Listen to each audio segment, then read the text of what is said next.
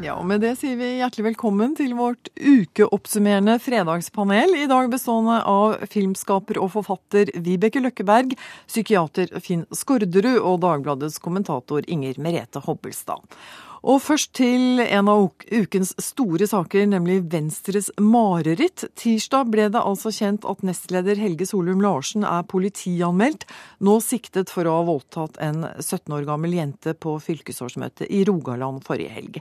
43 år gamle Larsen innrømmer at han hadde sex med jenta, men hevder at det skjedde frivillig. Nå saumfarer pressen fortiden hans, og i dag er forsvareren ute og sier at han blir utsatt for den reneste personforfølgelse og karakter drap. Går mediene for langt overfor en mann som ikke er dømt, Inger Inge Merete Hobbelstad? Nei. Finn Skårderud? Nei, jeg tror ikke det. Vibeke Løkkeberg? Absolutt ikke. Hvorfor ikke Vibeke? Eh, fordi at eh, dette kan lett tilsløre da. det han har gjort. Han er en maktperson som har utnyttet en ung jente som er 20 år yngre enn han. Eller, og det er så opplagt at det ikke burde være tillatt innenfor et politisk parti eller noe andre steder som er organisert, eller hvor du har jobb, eller overfor sjef eller direktør. eller... Men er det nødvendig å få høre at han har vært ufin i kjeften på et julebord og fyllekjørt, og hva han har sagt på bar for 20 år siden, Inger Merete? Altså, Dette er jo ikke bare grafsing, selv om det kan høres slik ut når man bare ramser opp ingressene eller overskriftene. For her er det jo en større historielinje. Det er jo et større spørsmål som ligger under. Eh, nemlig hva var signalene før dette skjedde? Eh, har han oppført seg tidligere på en måte som burde vært tatt tak i på et eller annet vis? Når skal man reagere? Eh, er det lov å på en måte drikke seg litt full og si dumme ting, eller når skal man plukke opp slike signaler? Og Derfor tror jeg at vi må ta denne større samtalen altså om hvordan denne prosessen har vært. Men det er jo klart det er fryktelig smertefullt for hans nærmeste. Finn? Altså Jeg var kanskje litt mer nølende, og det er uunngåelig at dette skjer. Det som er problematisk Eh, hvis man ser det særlig fra hans og families side, det er jo ikke at det blir tatt opp, men kvantiteten. Her kommer alle medier til å gjøre akkurat det samme. Altså Det blir en sånn voldsomt uh, trykk av dette her. Altså Det er summen av antall dette er jo den moderne gapestokken. Altså Her er det internettmedier. Dette kommer til å ligge på Google i årevis fremover. Altså, så det er ikke det at det tas opp, men det er summen som blir veldig problematisk, kanskje. Og hvis han skulle ha rett i at det ikke var voldtekt, men eh, frivillig sex, eh, Inger Merete, så er jo livet hans uansett ødelagt? Ja, og Det har jo vært eh, poenget til advokatene og sånn i dag. at altså De har gjort stadig gjort oppmerksom på at dette er en mann som ennå ikke er dømt for noe. Men samtidig så er det Han har vedgått noe som i seg selv er et veldig stort tillitsbrudd. Og ikke minst meget alvorlig, altså en, en dødssynd å gjøre altså i den posisjonen han har i et politisk parti. Og at han allerede har gjort noe som på en måte er klanderverdig, rettferdiggjør på en måte at man går etter i sømmene og prøver å finne ut hvordan og hvorfor ting har skjedd. Men nå er det jo flere som har stilt spørsmål om det er vanligere at denne type skje, ting skjer i politiske partier, Vibeke. Tror du, altså Er det noe med menn med makt? Mm -hmm. Ja, men det skjer jo ikke bare i politiske partier. Det er jo kjent at det alltid har skjedd innenfor film, teater, altså, men det er så lett å eksponere underholdningsbransjen. Men jeg er helt sikker på at det skjer i et hvilket som helst firma. Og eh, menn bruker sin eh, makt eh, fordi at de føler og tror de vet at kvinner på en måte legger seg på ryggen for det. Og Det er veldig synd, da. Men i dette tilfellet så vil jeg gjerne presisere at jenten er 17 år, og at han uttaler seg sånn nå, eller advokaten hans som snakker om karakterdrap. Det betyr jo egentlig at de er på vei inn i den samme tunnelen som jenta kommer når de eh, sier at jeg er blitt voldtatt, nemlig at bevisets stilling gjør at vi kan ikke dømme denne mannen, og den blir henlagt. Det er jo det som er vanlig, og derfor så melder jo ikke kvinner dette her vanligvis. Finn, som psykiater, altså hva hvordan kan, kan, du forklare at en mann i en sånn posisjon risikerer så mye for noen minutters nytelse? Ja, Nå kjenner jo ikke jeg han eller detaljene, selvfølgelig, men altså, vi kan godt si generelt ja, det er noe med menn med makt. Eh, makt er et kjent afrodisiakum. Det tiltrekker seg personer. Man blir beundret. Det gjør noe med selvfølelsen. Man kan bli litt for høy på seg selv. Hvis du attpåtil stenger folk inne på et hotell i to døgn og heller på med alkohol, så dette skjer og det skjer. Og det er helt klart sånn som Vibeke sier, dette er ikke spesielt politikk. Dette er toppidrett. Dette er enhver sammenheng hvor det er makt. Grenser mistes, især i blanding av litt rus og bli beundret. Vi går videre til eh, neste tema. Søndag benket altså 1,4 millioner mennesker seg for å se Ingen grenser, der funksjonshemmede av alle slag kjemper seg til toppen av snøhetta geleidet av eventyreren Lars Monsen. Og I dag sier den daglige lederen i organisasjonen Stopp diskrimineringen at dette er et frikshow. Er det det, Vibeke? Ja, jeg syns det. Inger Merete? Nei. Finn? Nei, men det er riktig å stille spørsmålet. Hvorfor det? Jo, fordi at Eh, det kan ligne på et frikshow, men det opprinnelige friksshowet var pur underholdning, hvor man viste fram vannskapningen på et vis. Tross alt så tror jeg det er en rimelig hederlig intensjon her om å vise fram mestring. Og grunnen til at det tiltrekker seg så mange seere, er nok at mange tenker at liksom, dette er beundringsverdig. Man gjør noe på tross av. Hvorfor er du betenkt, Vibeke? Hvorfor er mestring så veldig viktig her i Norge? Hvorfor skal vi alle sammen mestre et eller annet? Det er jo like før man tar et menneske som ikke har spist på en uke, opp på Galdhøpiggen og sier 'se hva hun greide'. Hun har ikke spist på en uke. Altså, hvor langt skal dette gå? Inger Merete? Eh, jeg syns da ikke dette er et freakshow, og ikke at det altså på en måte fremhever mangelen på altså en slags unormalitet og stigmatiserer på den måten slik det ble hevdet i denne kronikken i Aftenposten i dag. Og jeg tenker jo blant annet at er det noe som er et normalitetsstempel i dag, så er det jo at det blir laget et realityshow om deg. Uh, altså Det er jo den store utjevneren. Alle typer yrkesgrupper, aldersgrupper, typer mennesker har jo vært innom, innom der etter hvert. Og Jeg var i en lignende debatt tidligere i høst om Heine Fjordland-skikkelsen i Trygdekontoret, som også sitter i rullestol, og som er en satirisk skikkelse, der det også ble brukt dette, altså et argument om dette er et freakshow. Og jeg tenker litt at det er synd om folk med et handikap skal ekskluderes fra disse, de, disse, delene av populærkulturen, da, altså av reality-TV-sjangeren, av humoren, altså at de ikke kan inngå enten som altså, spilles eller være der som seg selv. Altså Det er også en del av normaliseringen, og at vi kommer tettere på eh, mennesker som, som sliter, har utfordringer som vi kanskje ikke lever så tett på til vanlig. Så jeg tror egentlig det er et sunnhetstegn. Men finne, altså ligger det ikke en eh, holdning til mennesker her som er veldig beslektet med en del særlig amerikanske selvhjelpsbøker, at uh, du kan gjøre alt bare du vil? Jo, og det tror jeg eh, fort kan være en slags liten uh, bivirkning her. Men jeg tror også på et eller annet vis så De som velger å se på dette, som da er interessant mange, så tror jeg noen av de også tenker at det er noe som setter mine egne klager litt i perspektiv. Altså kanskje det ikke er så farlig det jeg klager over alltid, når noen tross alt uh, kommer seg til topps. Men det er nettopp noe av det hun fra Stopp diskrimineringen reagerer på. Altså hun sier at stjerner får både tilfredsstille behovet for hemningsløs glaning og gleden ved at at man egentlig ikke har noe å klage over og har det mye bedre selv. Ja, Men det siste er ikke så dum. Det er ikke det, Vibeke? Jeg får bare vondt jeg, for å se at et uh, menneske med så stor handikap uh, må liksom streve seg gjennom en steinrøys. Uh, det er, jeg får så vondt. Hvorfor det? Nei, jeg må slukke TV. Jeg kan ikke se på det. Er du enig med, med kommentatoren som sier at moralen i programmet er like sjuskete som Lars Monsens allværsjakke? Jeg, jeg, vil ikke si noe om han på den måten.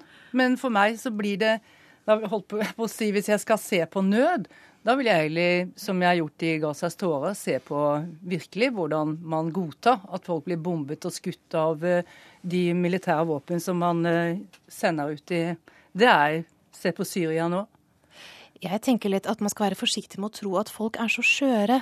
Eh, altså at folk går i stykker eller syns dette er, er, grusomt av å bli eksponert på den måten. Altså, man må ha respekt for disse enkeltmenneskene som har sagt ja til å være med på dette. Vise frem livet sitt, snakke åpent eh, om utfordringene de har. Og så kan du si at det er jo selvfølgelig sentimentalisert, dette. Det går veldig tett på dem og bruker alle de virkemidlene som reality-TV vanligvis gjør.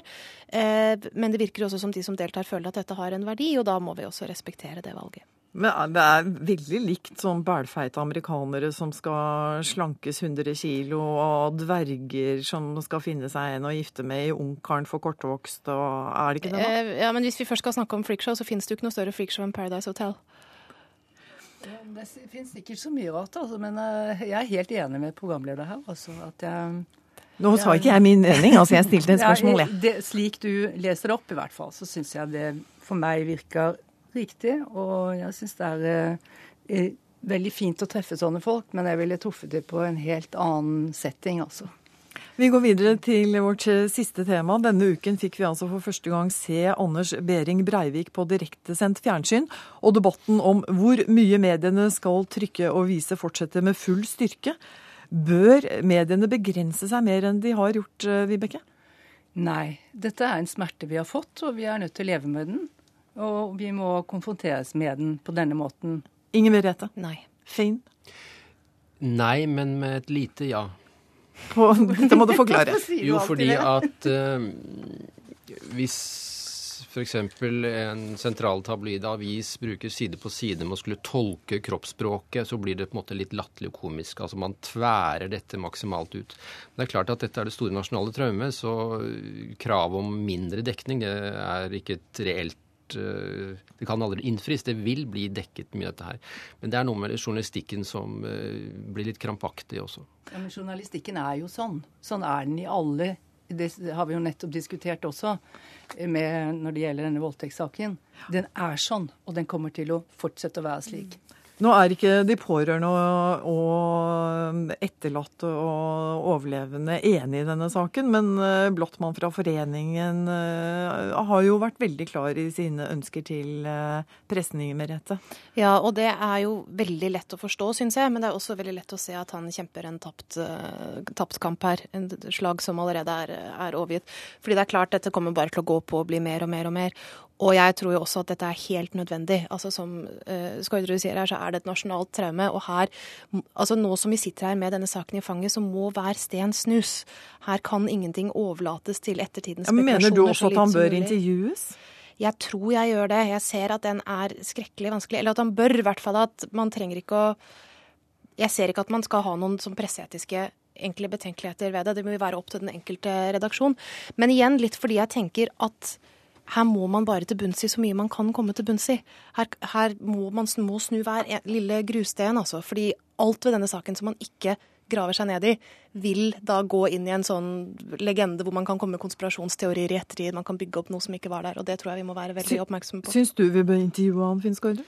For å svare på en annen måte, at de som sier at de ikke vil publisere intervjuet med han, kommer til å gjøre det likevel. NRK kommer til å presentere intervjuet med han. Det er bare snakk om tidsspørsmål.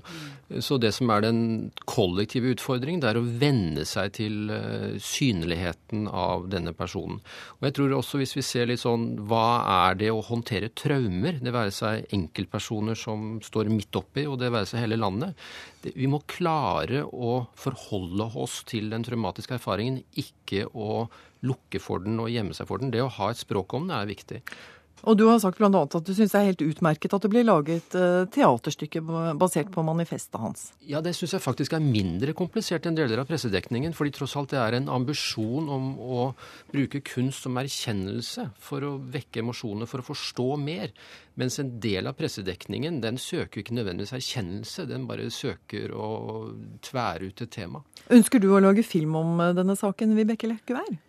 Det er til vurdering. Ja. Faktisk.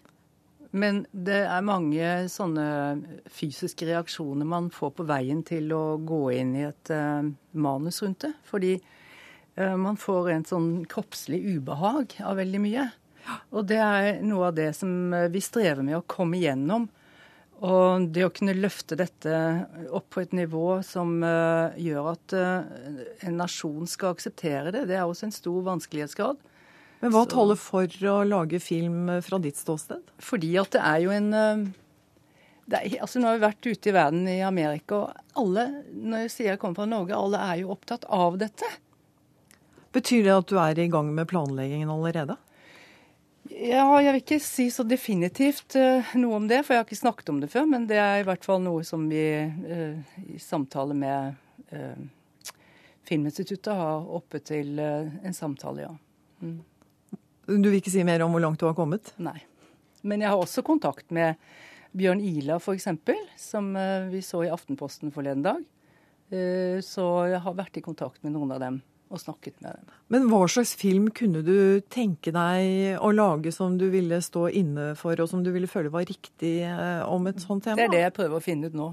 Ja. det er ikke så lett. Er det en god idé å lage film om dette nå, Inger Merete? Det kan kanskje være lurt å vente med de kunstneriske fortolkningene til saken har kommet litt mer på avstand, tenker jeg. jeg. Det, eh, at man får en litt mer sånn analytisk distanse mm. til det. Men, men igjen, eh, jeg tenker at dette kommer til å bli tolket på så mange måter og i så så, så mange, gjennom så mange for, forskjellige kommunikasjonsmidler. Og det er også noe som gjør at denne saken tar så vanvittig stor plass. Det er at du ser hvordan den også rammer alle områder av samfunnet. altså Nesten alle eh, deler av maktapparatet f.eks. Alle felt har jo gått i seg selv som et resultat, eh, som en konsekvens av den saken. Mediene spør seg selv eh, hvordan de har dekket høyreekstreme miljøer sammenlignet med andre ekstremister. Det har også PST gjort. Er, eh, domstolene går i seg selv i forhold til psykiatrien. Så den treffer ram, I alle deler av samfunnet så er det noe å diskutere om denne saken. I, I, dag ble det altså kjent at Behring Breivik skal tvangsundersøkes eh, i inntil eh, fire uker. Og Skårderud, det har jo vært en stor debatt om den psykiske tilstanden til eh, Behring Breivik. Vil du si noe ut fra det du har sett på avstand, om ditt inntrykk er at dette er en syk mann?